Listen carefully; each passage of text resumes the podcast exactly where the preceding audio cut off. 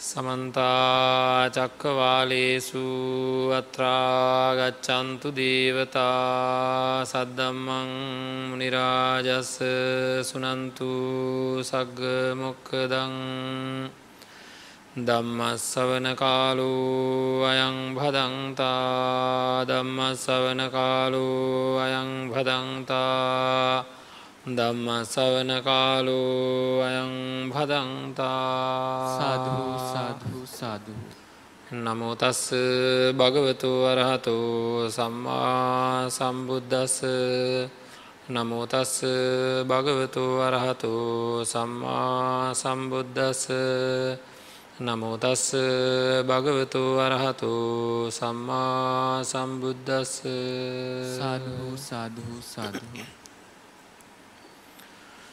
සෝවත භික්කවේ බික්කු කංචි සංකාරං නිච්චතෝ සමනු පස්සන්තෝ අනුලෝමිකාය කන්තියා සමන්නාගතෝ භවිස්සතීති නේතංටානං විජ්ජති අනුලෝමිකාය කන්තියා සමන්නාගතෝ සම්මත්තනයාමං ඔක්කමිස්සති නේතංටානං විජ්ජති සම්මත්තනයාමං අනොක් දුක්කමානෝ සෝතාපත්ති පළංවා සකදාගාමි පළංවා නාගාමි පළංවා අරහන්තංවා සච්චි කරිස්සතීති නේතංටහානං විජ්ජතීති සාධහූ සාධහූ සාධහූ සදාබුද්ධි සම්පන්න පින්නත්න සම්මා සම්බුදු පියාණන් වහන්සේ දේශනා කරන්න යෙදුන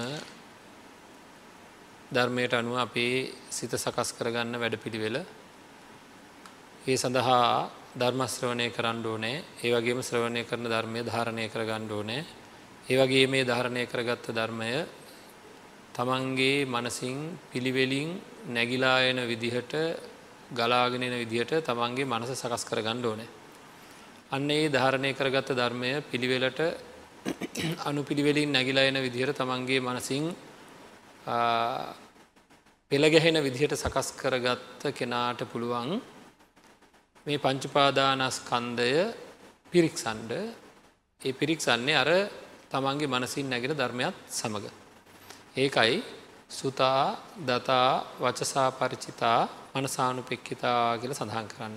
තර අපි අපේ පංචුපාදානස්කන්දය පිරික්ෂණකොට කෙනෙකුට එහි තියෙන ඇත්ත තත්ත්වය මොකක්ද කියලා තේරුම් ගණඩ පුළුවන්කම තියෙනවා. එතකොටයි දිට්ටියා සුප්පටි විද්‍යා කියන දෘෂ්ටීන් රිජුවෙන්නේ. ඉතින් ධර්මය තුළ තියෙන එකම ක්‍රමවේදය තමයි පංචපාදානස්කන්දයෙහි අනිත්‍ය දුක්ක අනාත්ම කියන ත්‍රිලක්ෂණය අවබෝධ කර ගැනීම. අනිත්‍ය දුක්ක අනාත්ම කියන ත්‍රිලක්ෂණය අවබෝධ කර ගැනීම. එතකොට මේ පංචපාදානස්කන්දයෙහි නැතම් පංචපාදානස්කන්දය කොහෙද තියෙන්නේ. මේ මගේ ළඟ තියෙන කොටස මගේ ළඟ තියෙන කොටසේ අනිත්‍ය දුක්ඛ අනාත්ම ලක්ෂණ තුන අඳුරගණ්ඩ බැරුව අපි මේකෙහි මුලා වෙනවා. හරිද මගේ මමය මගේ මගේ ආත්මය මේක මේ මට ඕන හැටියට තියෙන එකක් නෙවේ කියන එක තේරුම් ගණ්ඩ බැරුව මේක වෙනස් වෙන බව තේරුම් ගණ්ඩ බැරුව අපි නොඒකුත් අපේ හිතේ බලාපොරොත්තු අදහස් එක එක එක දේවල් ඇති වෙලා ලොකූ පීඩාකාරී තත්ත්වයන් වලට පත්වෙනවා. මේකෙන් හිත ගලවන්ඩෝනෑ පංචුපාදානස්කන්දේ හිත ඇලීල තියෙන්නේ. හරිද ඒ ඇලීල තියෙන තමන්ගේ වසයෙන් අනුන්ගේ වසයෙන් නොයෙකුත් දෘෂ්ටීන් එක හිත ඇලිල තියෙනවා මේකේ. හිත හැම්වෙලේම ඒ දේවල්ම ප්‍රාර්ථනා කෙරෙනවා හිතෙන් හැම්වෙලීම පංචුපාදානස්කන්දයට අදාළ දේවල්ම ප්‍රාර්ථනා කෙරෙනවා. ඉවරක් නැතුව. ඉතිං හිතටම මේ පණිවිඩේ දෙන්ඩෝ නෑ මේක මට අයිති දෙයක් නොවන වග මේ උපාදානස්කන්දයන් කෙරෙහි ඇති ඇල්ම ඇති නොවෙන විදිහට. ඇල්ම ඇති නොවෙන විදිහට අපි අපේ මනස සකස් කරන්න ඕන. එක කොනක ඉඳං අනිත් කොනට යනකම් මේ කරන්න ඕනේ. හරිද? නිකං රෝගයකින්වත් නිකං ගැලවෙන්ට බෑනේ. ශරීරයේ තින ඕනම තැනක. අපි බලන්ට නිකම් මේ මොනහරි අපි හිතමකෝ අපි හුරතල් සතෙක් හැදුව කියලා ඒ සතාගෙන්වත් නිකං ගැලවෙන්න පුළුවන්ද බෑ සතා පස්සෙන් පන්නගෙන එනවා ඊට පස්සේ ඉති මොකක්හරි ඕනම දෙයකින් ගැලවෙන්ඩ ක්‍රමයක් ඕනෑ. පංචුපාදානස්කන්දේය පංචුපාදානස්කන්දය ඔහෙ පැත්තකින් තියේ. රූප තිබදෙන් වේදනා තිබදෙන් සංඥා තිබදෙන් සංකාර තිබදෙන් විඤ්ඥාන තිබද නමුත් ප්‍රශ්නයලා තියෙන්නේ ඒවා අපිට උපාදානය වෙලා තියෙන එක. අපේ සන්තානගත උපාදානය වෙලා තියෙන හින්දා ඒවා පසුපස හඹා යන ගතියක් ගිනිගන්න ගතියක් අපේ මේ සන්තාන තුළ සකස් වෙනවා. ඉතින් ඒක නිරාර්ථකයි ඒක ගැන කියන්න අය වචන මොකුත් නෑ කිය යුතු වචන ටික තමයි අප මේ සාකච්ඡා කරන්න හදන්නේ. කිය යුතු වචන ටිකයි සාකච්ඡා කරන්න හදන්නේ ඒ ලක්ෂණත් එක්ක. ඒක හින්දා අනිත්‍ය දුක්ඛ අනාත්ම ලක්ෂණයන් අවබෝධ කරගණ්ඩ තමන්ගේ මනසට වැටහෙන ආකාරයට තේරුම් ගණ්ඩ හතලිස් ආකාරයකින් මේක බැලීමක් තියෙනවා. හරිද ආකාර හතලිහක් තියෙනවා බලන්ඩ. ඒකෙන් අපි ඒ හතලිස්සාකාරයක බැලීමෙන් මොකක්ද වෙන්නේ අනිත්‍ය දුක්ඛ අනාත්ම ලක්ෂයන් අපේ මනසට වැටහෙන්ඩ පටන් ගන්නවා. අන්න ඒ හතලිස්සාකාරයකින් සමාන කර කර පංචුපාදානස්කන්දේ යථභූත ස්වරූපය විමසන විමසන භාවනාවට කියනවා මහා චත්තාලීසාකාර චත්තාලීස කියන්නේ හතලිහට. එතකොට හතලිස් ආකාරයක භාවනාව මහා චත්තාලීසාකාර භාවනාව කියලා.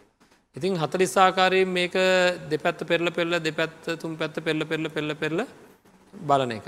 හරිද මේකෙන් විසි පහක්ම දුක්කානු පස්සන.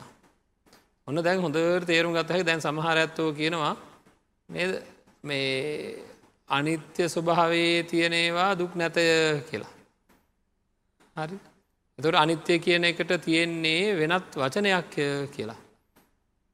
එතකොට මේ ආකා එකන වෙනත් තේරුමක් අනිත්‍ය කියන්නේ මොකක්ද.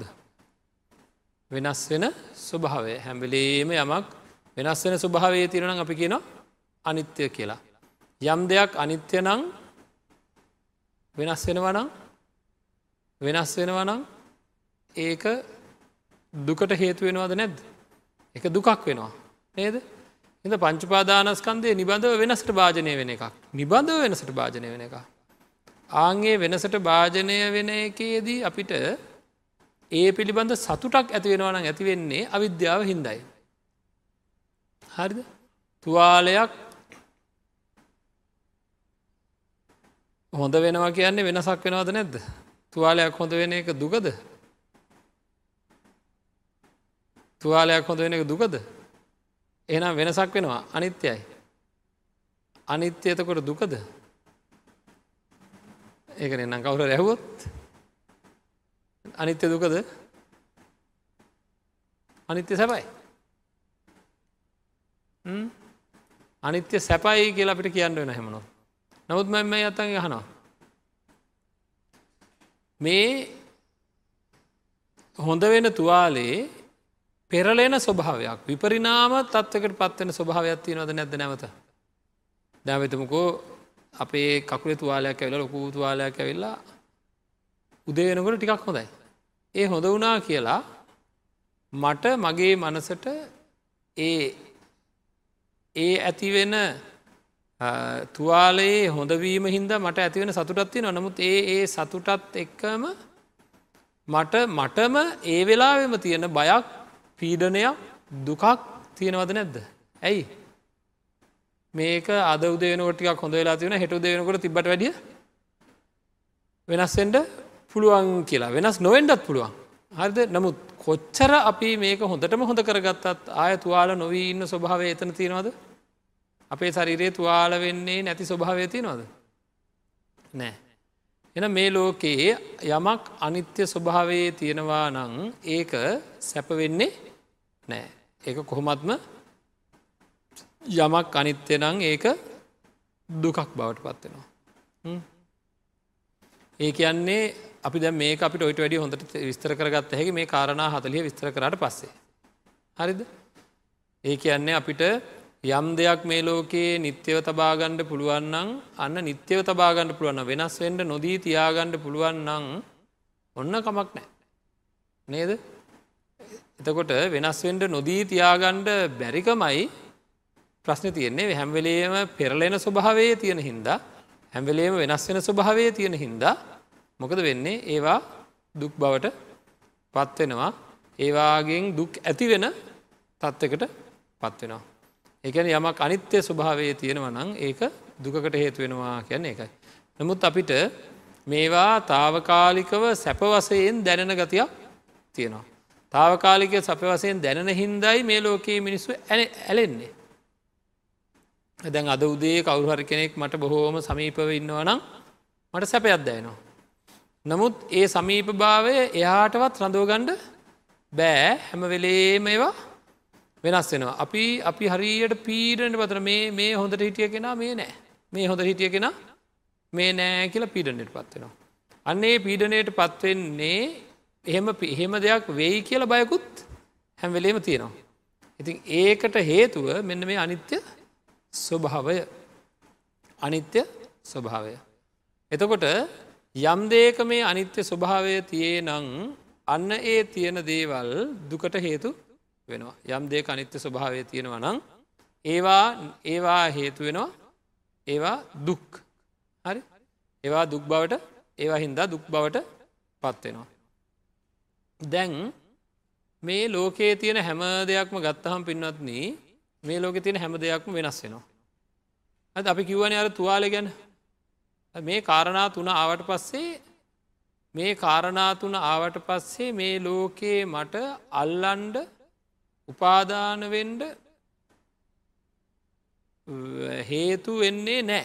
උපාදානය ඇතිවෙන්ට හේතු වෙන්නේ නෑ. කාරණා තුනම එකතු වෙනකොට. නැතමට උපාදානය වෙන්න පුළුවන්. දැන් ඉස්සල් අපි කිවන ද තුවාල හොඳ වෙන කතාවක් වනේ මතකද? තුවාලය හොඳ වෙන කතාවක් කිවන මට පුළුවන්නං තුවාලයේ හොඳට තේරුම් ගණ්ඩුවන මේ කාරණා තුන. මට පුළුවන්නං තුවාලේ හොඳ වෙන පැත්තට අරගෙන යන්ඩ මං කැමති එහෙමනේ.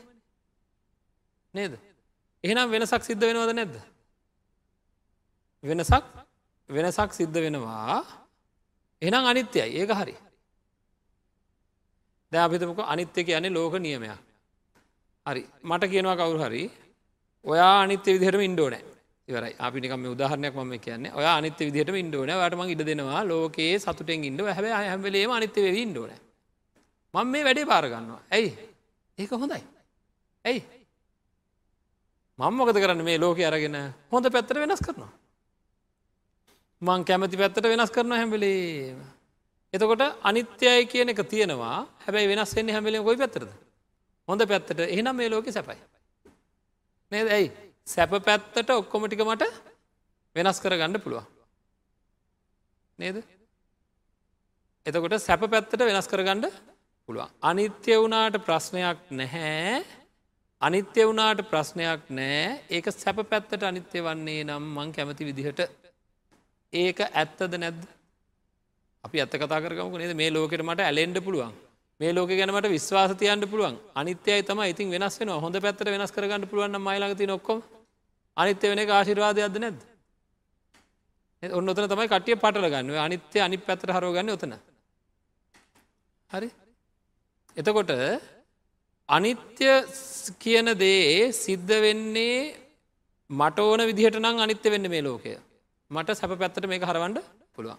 නමුත් මම කැමති විදිහට මට ඕන විදිහට පවත්ත ගණ්ඩවත් නවත්ත ගණ්ඩවත් බැරි ලක්ෂණයක් පංචුපාදානස්කන්දයේ තියෙනවා.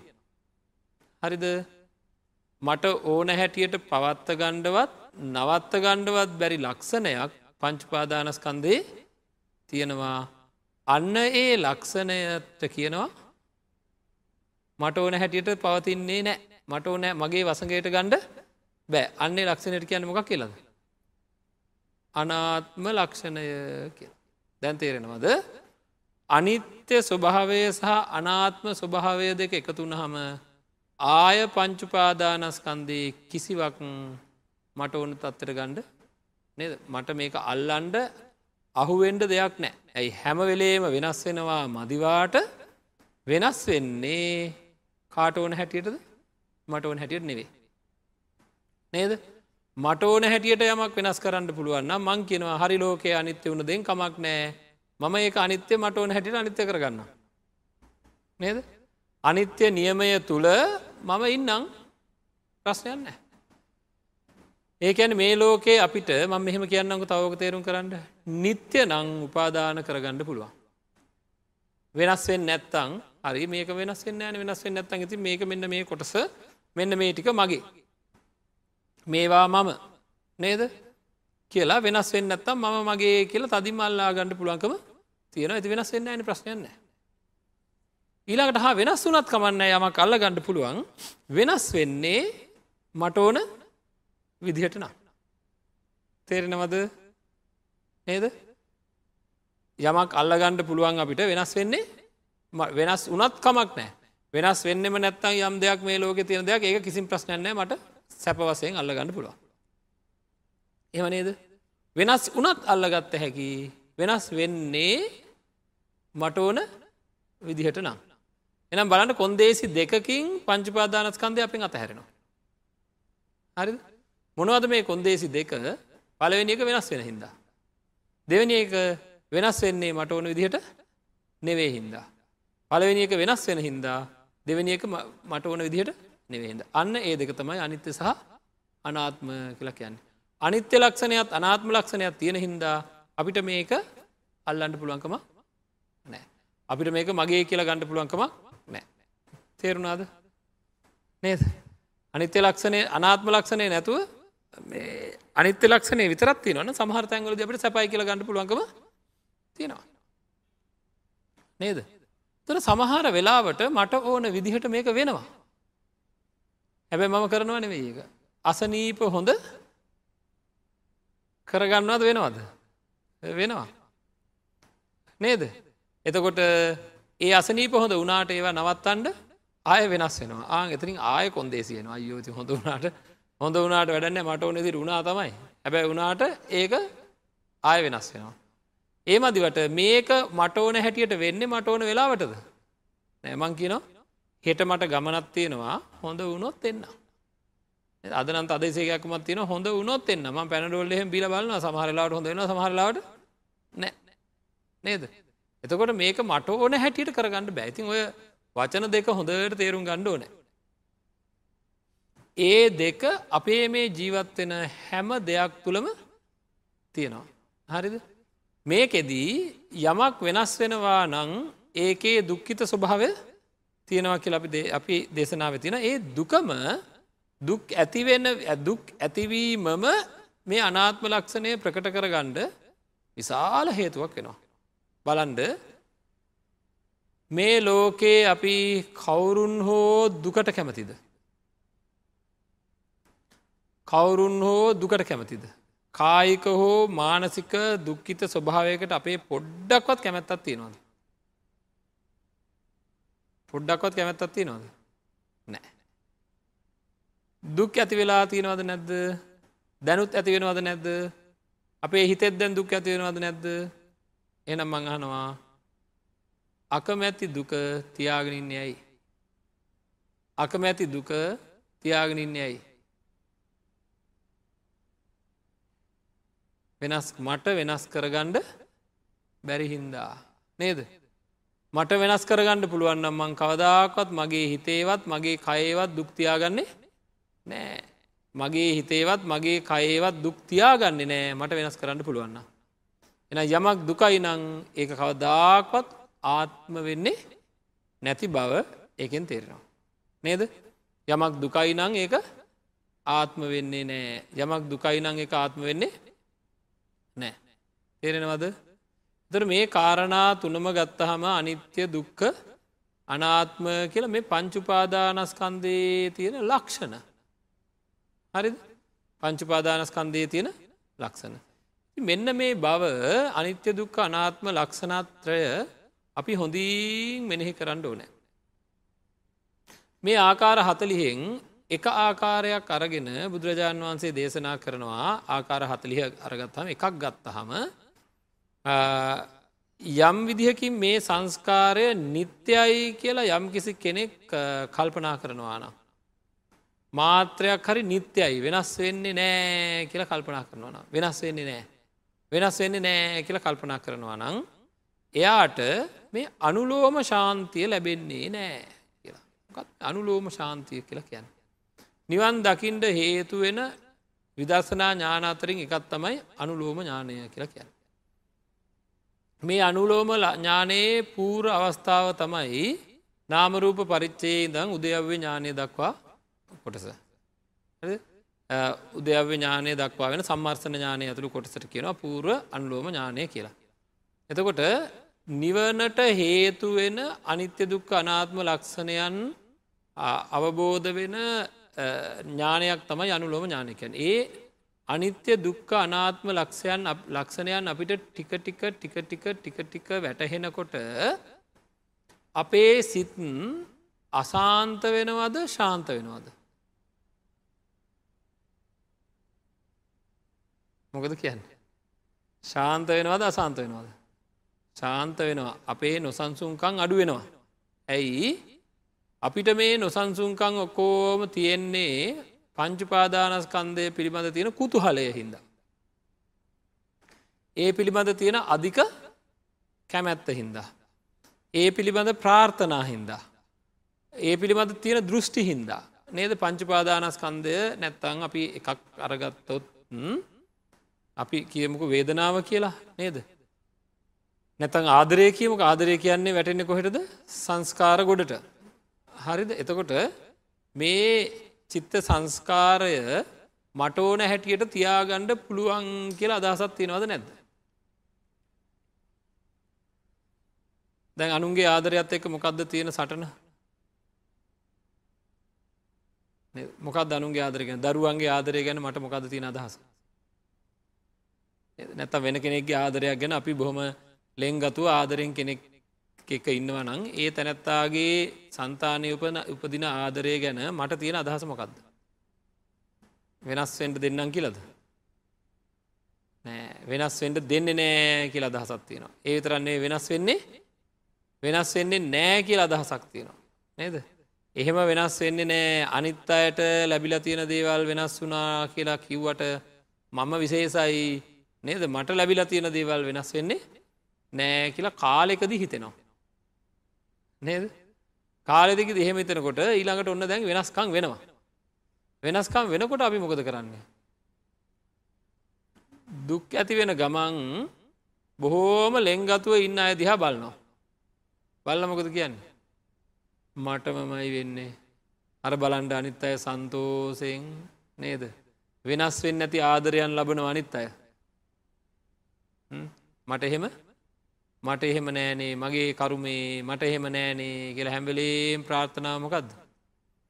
නොයනස් වෙන ආදරයක් ලැබේවා. ආහෙම ප්‍රාර්ථනාවත්තිනවා. හිතරිද්දන්නෙම නැති. නේද. ඒ වගේ ප්‍රාර්ථනාවෙන් බොහෝම පටු දේවල් වගේ. අනිත් අය තුළ ඒ වගේවත් තියෙනවාය කියලා මේ ලෝකෙ අපි අපි හිතනවා. ඒ වගේ වෙන්ඩෝ නෑ හරිද? අපි බැරිවෙලාවක්වත් ඒ බොහෝම ලෙංගතුව ඉන්න හොඳයි කියලා හිතන වෙනස් නොවන ආදරයක් විඳිනවාය කියලා හිතන අයව ගවේශණය කරොත් මොකද වෙන්න. ගවේශණය කළ බලන්ටක මේ ලෝකෙ අපි ලෝකට අයදුම් පත්‍රයක් යවල බලමුද. වෙනස් නොවන ආදරයක් බුක්ති විදින කවුහරඉන්නවා නම් වහාම දන්වන්ඩ ආදරයෙන් පීඩාවක් නැති වෙනස් නොවන ආදරයක් විඳින මම විඳින ආදරය නම් කවදාක්වත් වෙනස් වෙන්නේ නෑ කියලා ස්තීරෝම කියන්න පුළුවන් කවුරු හරි යුවලක් ඉන්නවනං වහාම දැනුම් දෙෙන්ඩ කියලා. එහමකිවොත් මොකද අන්න එදාට තේරෙනවා අපිට මේ ලෝක එහෙම එකක් නෑ මේ ලෝක එහෙම එකක් නෑ කියලා. අන්න එහෙම තේරෙනකොට පින්නත් නී දැම් බලන්ඩර තමන්ට තියෙන ආදරය වෙනස් වෙනවා අනුන්ට තියෙන ආදරය වෙනස් වෙන්න නෑ කියල හිතනට හැම වෙලේ මර අනුන්ට තියෙන ජාතිය එකක් හොයෙනවා අපි. එ හරියට නොසන්සුම්. මේ අපිට ලැබිලා තියෙන මේ පංචුපාදානස්කන්දය පිළිබඳ බලාපොරොත්තු ඒ වගේම එක එක එක ආකාරයේ ඒවායින් අරවා ලැබෙයි මේවා ලැබෙයි කියලා තියෙන අපේක්ෂාවන් ඒවා තියෙන තාකල් අන්න අය මේවා ගනී කියල බය අන්න අයට අන්න අයට ලැබේ කියලා තියෙන නොලැබේවා කියන මසුරුකම මේ වගේ නොඒකුත් දේවල් හින්දා අපේ හිත හැම්වෙලේම අසාන්තයි. හරිද? මේ ලෝකයේ තියෙන දේවල් මට කොච්චර දත්මිටිකෑවත් අයිති කරගණ්ඩ මගේ කරගණ්ඩ මගේ ආත්මය කරගණ්ඩ පුළුවන්කමක් නෑ කියලා අනිත්‍ය දුක්ක අනාත්ම ලක්ෂණත්‍රය අනුව පංචුපාදානස්කන්දය පිරික්ෂණ කෙනාට වැටහෙන්ඩ පටන්ගන්නකොට අර තිබ්බ නොසන්සුන්කං ටික ටික ටික ටික නැති වෙනවා. තොට පංචුපාදානස්කන්දය අනිත්‍ය වසයෙන් දකින කෙනාට අනිත්‍ය වසයෙන් දකින කෙනාට අනිත්‍ය වසයෙන් දකින කෙනාටත් අන්න අර හැම නිමේසේක මනිත්‍ය වසයෙන් දකින කෙනාටත් අන්න අර ශාන්ත ස්වභාවය ඇති වෙනවා. ඒ අපි දැන් අනිත්‍ය ගැන මෙනෙහි කරන අපි අනිත්‍ය ගැන කතා කරනකොට ඒ ශාන්ත ස්වභාවය ඇතිවෙන ආකාරයකිම අන්නේ ශාන්තියට කියනවා. අනුලෝම ශාන්තිය කියලා. හරිද? එතකොට බුදුරජාණන් වහන්සේ අහනවා භික්‍ෂූන් වහන්සේලාගෙන් සෝවත භික්කවේ බික්කු කිංචි සංකාරං නිච්චතෝ සමනු පස්සතෝ අනුලෝමිකාය කන්තියා සමන්නාගතෝ භවිස්සති. මේ අනුලෝමක් ශාන්තිය ලැබෙනවාද ලැබෙනවා කියලා දෙයක් තියෙනවාද පංචුපාදානස්කන්දය නිත්‍යයි කියල ගන්න කෙනට අනුලෝම ශාන්තිය ලැබෙනවාද කියලා. බුදුරජාණන් වහන්සේම දේශනා කරන්නේ තංටානං විද්්‍යති ඒක සිද්ධ වෙන්නේ නෑ. එහෙනම් නිත්‍යයි කියලා පංචුපාදානස්කන්දය දැනෙන තරමටම ශාන්තිය නැති වෙනවා. හරිද? මෙන්න මේ අනුලෝමක් ඥානය අනුලෝම විදර්ශනා ඥානය නැත්තං ඒ අනිත්‍යයි කියලා ගැනීමෙන් අනුලොම්වන නිවනට හේතුවෙන ශාන්ත ස්වභාවය නැත්තං කොහොමත්ම අනුලෝමිකාය කන්තියා මේ අනුලෝම වන ශාන්තිය අසමන්නාගතෝ සම්මත්ත නියාමං ඔක්කොමිස්සත්ති. සම්මත්ත නියාමය කියලා කියන්න එතන මාර්ග ඥානයටයි. අනුලෝම ඥානය නැති කෙනෙකුට අනුලෝම ශාන්තිය නැති කෙනෙකුට සම්මත්ත නියාමං සම්මත්ත නියාමය ඔක්කොමිස්සතීති මේ සම්මත්ත නියාමය ලැබෙනවාය කියලා යමක් සිද්ධ වෙනවාද? නේතංටහනං විජ්ජති. නෑ ඒක සිද්ධ වෙන්නේ නෑ. නෑ එක සිද්ධ වෙන්නේ නෑ. එනම් අනුලෝම ශාන්තිය ඇති කරගත යුතු වෙනවා සම්මත්ත නියාමය ඇති කරගණ්ඩ නම්. එතකොට අන්න ඒ මා සම්මතනයාමිකැන මාර්ග ඥාන ඉතින් හතලිස්සාකාරයක මේ මෙනෙහි කිරීමේදීම ඔය විදිහට බුදුරජාණන් වන්සේ දේශනා කරනවා. අනිච්චතු දුක්කතු රෝගතු ගණ්ඩතු කියලා අපි ඉස්රහට සාකච්ඡා කරන්න බලාපොරොත්තු වෙන හැම තැනකදීම ඒ එකකින් ඒ එකක් මෙනෙහි කිරීමෙන් පවා අනුලෝම ශාන්තිය ඇති වෙන පංචුපාදානස්කන්දේ. පංචුපාදානස්කන්දය පිළිබඳ අනුලෝම ශාන්තිය ඇතිකර ගැනීම ඉතාම අවශ්‍ය දෙයක් ඒ ශාන්තිය ඇතිවෙන්නේ කොහොමද ඇ අපි අනිත්‍ය ගැනයි කතා කරන්න හදන්නේ තවට අනිත්‍ය මෙනෙහි කිරීමෙන් අන්න ඒ ශාන්ත ස්වභාවයට පත්වෙන ආකාරය අපි කොහොමද කියල බලමු. හැම එකේදිම බලන්ඩ ඕන ඒ ආකාරයට මෙනෙහි කරන්න ඕනය කරලා. හරිද එතකොට යම් කිසි කෙනෙක් මේ ඒ සියලු සංස්කාරයන් අනිත්‍යයි කියලා සමනු පස්සනා කරනවනම්. අනුලෝම ශාන්තිය සමන්නාගතෝ භවස්්‍යත අනුලෝම ශාන්තියෙන් සමන්නාගත අනිත්‍යයි කියලා සමනු පස්සනා කරනවා නම් අනුපස්සනා කරනවා කරන කෙනාට අනුලෝම ශාන්තිය උපදිනවා. එතකොට ටානං මේ තං විජ්ජති. ඊළඟට අනුලෝම ශාන්තියෙන් සමන්නාගත කෙනාට තමයි සම්මත්ත නියාමං ඔක්කොමිස්සතීති කියලා සඳහන් කරන්නේ එන්න ඒ සම්මත්ත නියාමය කියන මාර්ගඥානය උපදින්නේ මෙන්න මේ අනුලෝමඥානය සමන්නාගත කෙනා. ඉ අනුලෝම ශාන්තිය කියලා කියන අපි තේරුම් ගණ්ඩුවන අපේ හිත ශාන්ත වෙන්ඩ පටන් ගන්නවා. මේක කරන්න පටන්ගත වෙලා විදං ටික ටික ටික ටික අර තිබ්බ අදාන්ත ගතිය අයින් වෙලා අසාන්ත ගතිය අයින් වෙලා ටික ටික හිත දමනය වෙන්ඩ පටන්ගන්නවා හිත සූපත් භාවයට පත්වෙන්ට පටන්ගන්න එක කොහොමද වෙන්නේ කියලා නිකං මෙහෙම කතා කරල බෑ ගැන කතා කරන්න ඕන. එතකොට යම් කිසි කෙනෙක් පින්නත්න මේ පටිසම්බිධාවේ මේ පිළිබඳ සඳහන් වෙනවා යම් කිසි කෙනෙක් මේ පංචුපාදානස්කන්දය අනිත්‍යයි දුකයි මේ විදිහට මෙනෙහි කරනට අප හිතමු දැන් දුක ගැන කතා කරනකොට මෙහෙම මෙහෙම සඳහන් වෙනවා සෝවත භික්කවේ බික්කු නිබ්භානන් දුක්කතෝ සමනු පස්සතෝ අනුලෝමිකාය කන්තියා සමන්නාගතෝ භවිස්සති. ඔන්න අනුලෝම ශාන්තිය ලැබෙනවා. ඒ වගේම දැන් පංචුපාදානස්කන්දය දුකයි කියලා අනිත්‍යයි හෝ දුකයි හෝ රෝග රෝගතෝ ගණ්ඩතෝ විදිහට මෙහි කරන කෙනෙකුට අනුලෝම ශාන්තිය ලැබෙනවා. ඊළඟට මේ පංචුපාදානස්කන්දයේ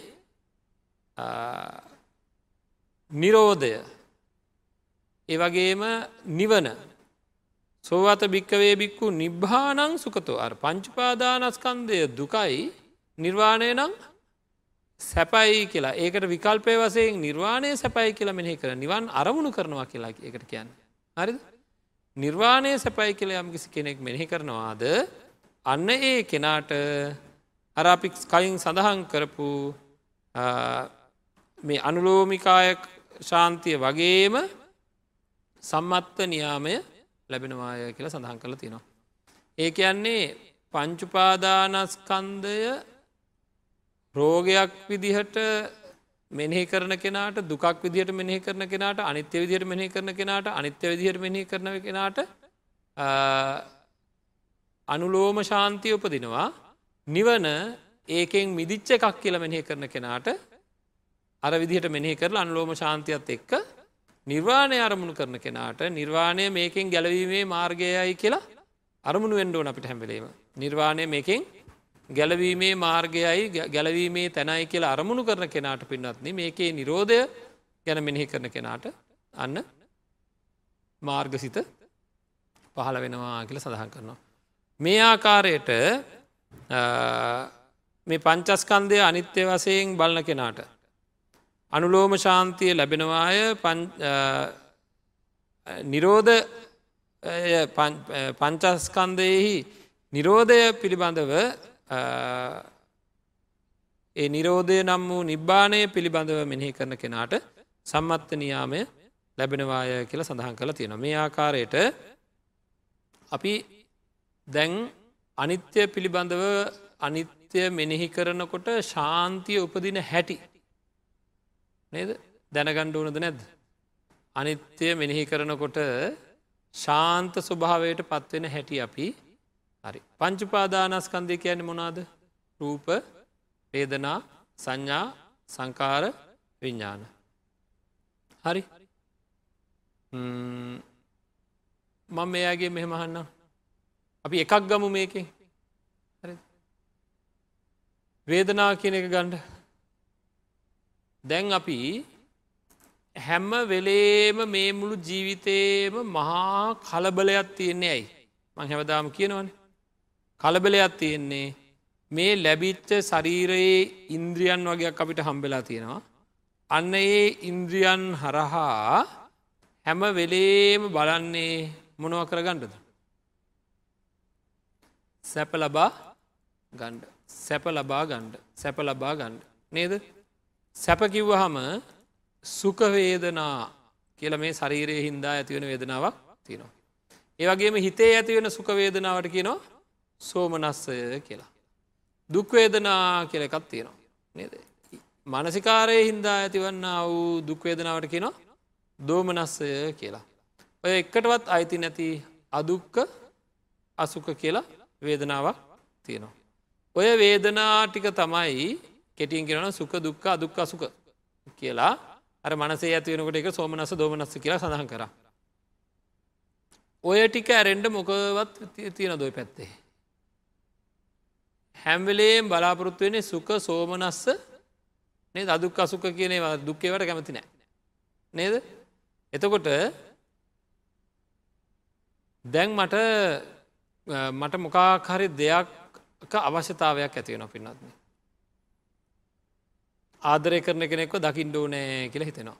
මේ දැකීමෙන් මට මොනවද හම්බෙන්නේ. ඇත්තටම මං හරි නොසන්සුන්කමෙන් ඉන්න දකිින් ඩෝන කියලා. දැකීමෙන් මට මොනවද හම්බෙන්න්නි කියලා අපි කල්පනා කරේ නෑ. හරිද භාවනානු යෝගයාට මේක කල්පනා වෙනවා.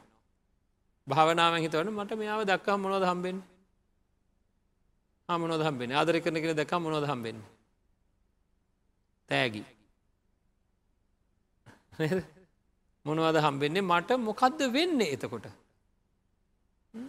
ඇයි මම මේ දැක්ක කෙනාව ආය දකිින් ඕන කියලා මගේ හිත ඉල්ලන්න? ඇත්තරම ආදරය කරන කෙනෙ දැක්කහම මොනොද වෙන්නේ? අපේ අපිට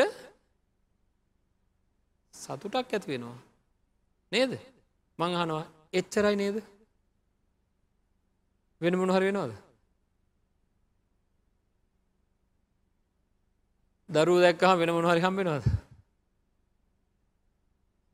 අදරු තෑගි ගෙනාව කියන්නක තෑගිවලනුත් හම්බෙන්නම ගත්ද සතුටක් නේද. එනම් කැමති දේවල් ආදරය කරන දේවල් ලැබුණ හම සතුටකුයි ඇති වෙන්නේ සතුට ඇතිවෙන්නේ ඇයි සැපවේදනාවක් ඇතිවෙනවා. සැපවේදනාවක් ඇතිවෙනවා. මනෝ සම්පස්සජ සුකවේදනාවක් ඇතිවෙනවා ඒකට කියෙන සෝමනස්ස කියලා යන් දැක්කහම සෝමනස්සයක් උපදිනවා. නේද. එතකොට මම ආයාය ආයාය දකිින්ට මට ලොකු කුතුහලයක් තියන්නේ එකයි.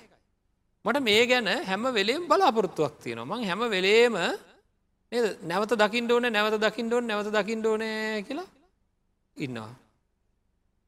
මං අහන මේ ඇත්තන්ගේ මේ වෙලාවේ දැක්කහම මට එක පාටම දැන් මං කැමතිම කෙන දැක්කම සෝමනස්සයක් ඉපදුනා. සැපවේදනාවක් හැදුනා. එක හැදුන ඇති දැන් ඒත් එක ඉන්නවම ටිකක් වෙලා. දැම් පැයක් හිටිය. දෙකක් හිටිය. තුනක් හිටිය. දැන් මට සතුට හම්බෙන්න එයාගෙන්. ටික ටික ටික ටික සැපවේදනාවට මොකද වෙන්න?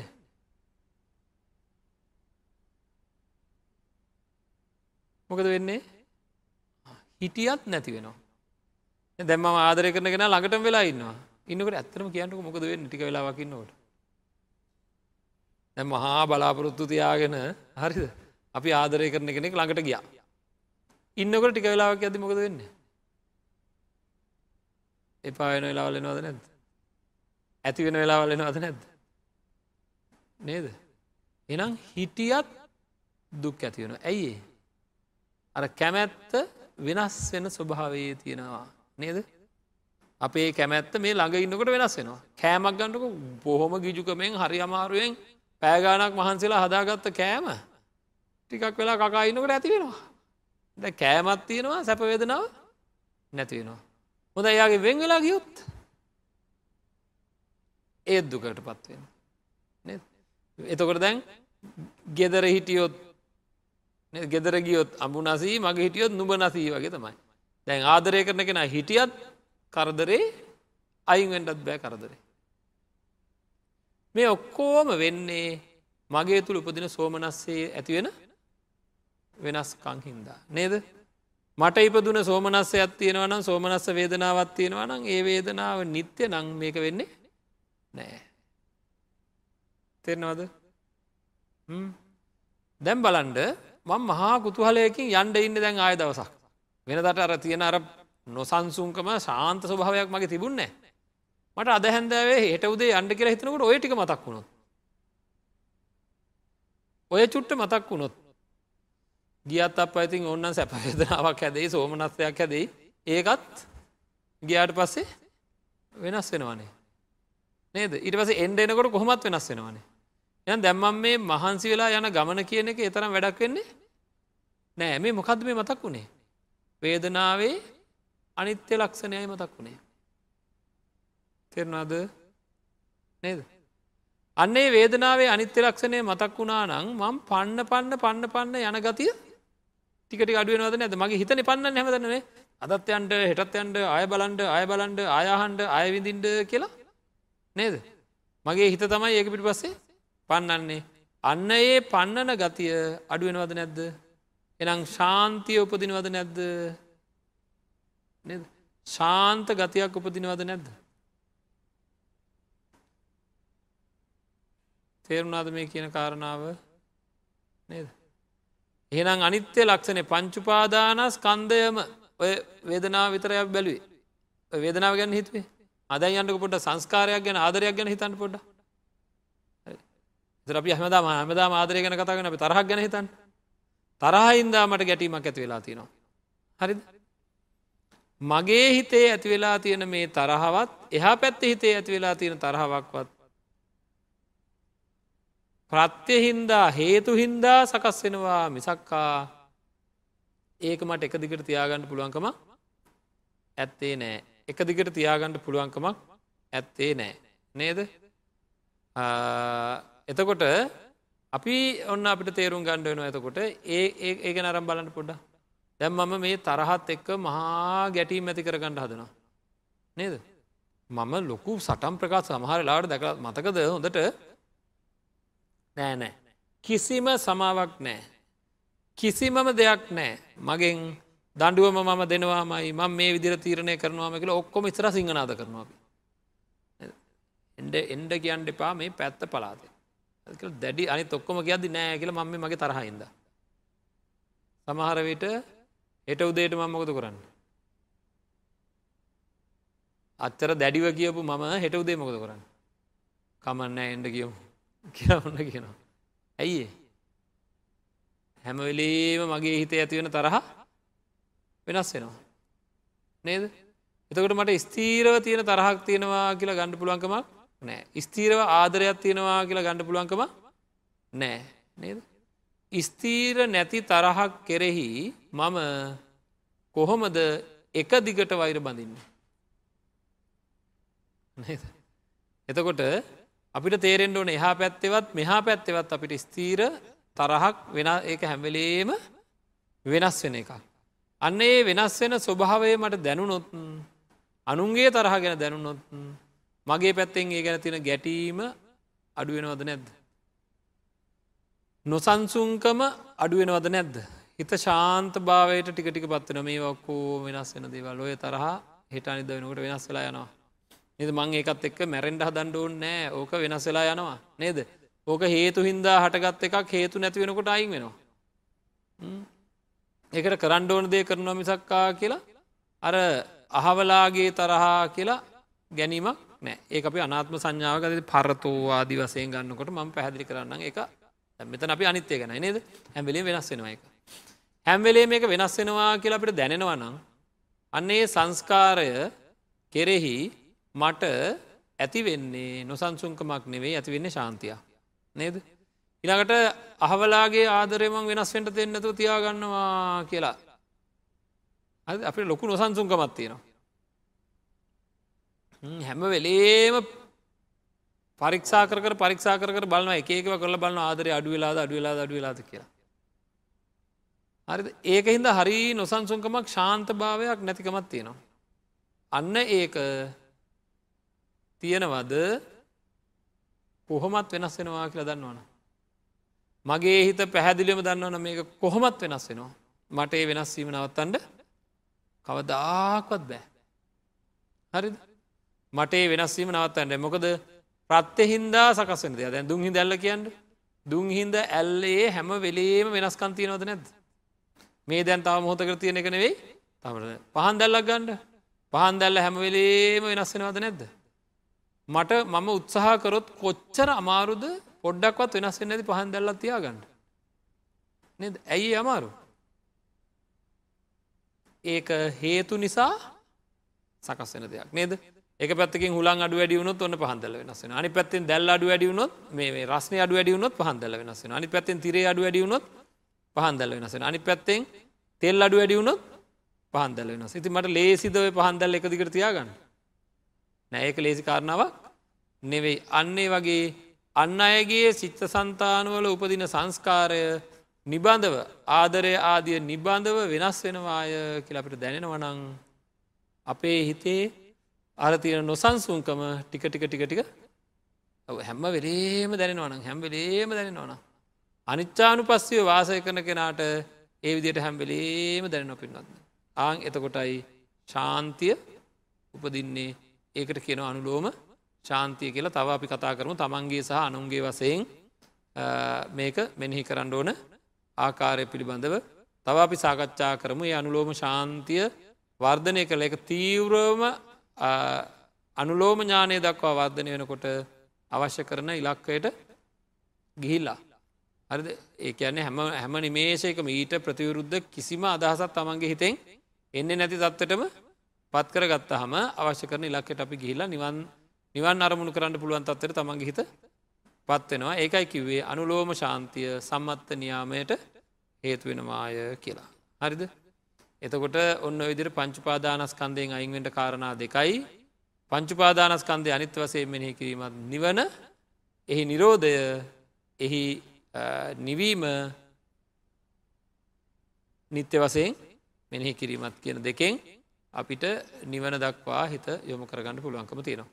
හොඳ ඒ පිළිබඳ තවත් කතා කිරන්ට බලාපොරොත්තුවෙන් අපි අද දවසේ ධර්ම දේශනාමතකින්නම කරනවා. අද දවසේ නිවසේදී ධර්මය ශ්‍රවණය කරපු මේ සියලූම පින්වන්ත අයට ඒ ධර්මය ශ්‍රවණය කිරීමේ භාග්‍ය ලබා දුන්නේ මේ මැදිරියේ වාසය කරන මේ පින්වන්ත පිරිසයි. මේ පින්වන්ත පිරිසතගේ දායකත්වයෙන් තමයි ධර්ම දේශනාව ලෝකෙ පුරාවටම බෙදලා හරින්නේ. ඉතින් ඒ ඇත්තු මහා විශාල පිනක් කරගන්නවා ධර්මදාන මේ පුුණ්‍යකර්මයක් සිද්ධ කරලා.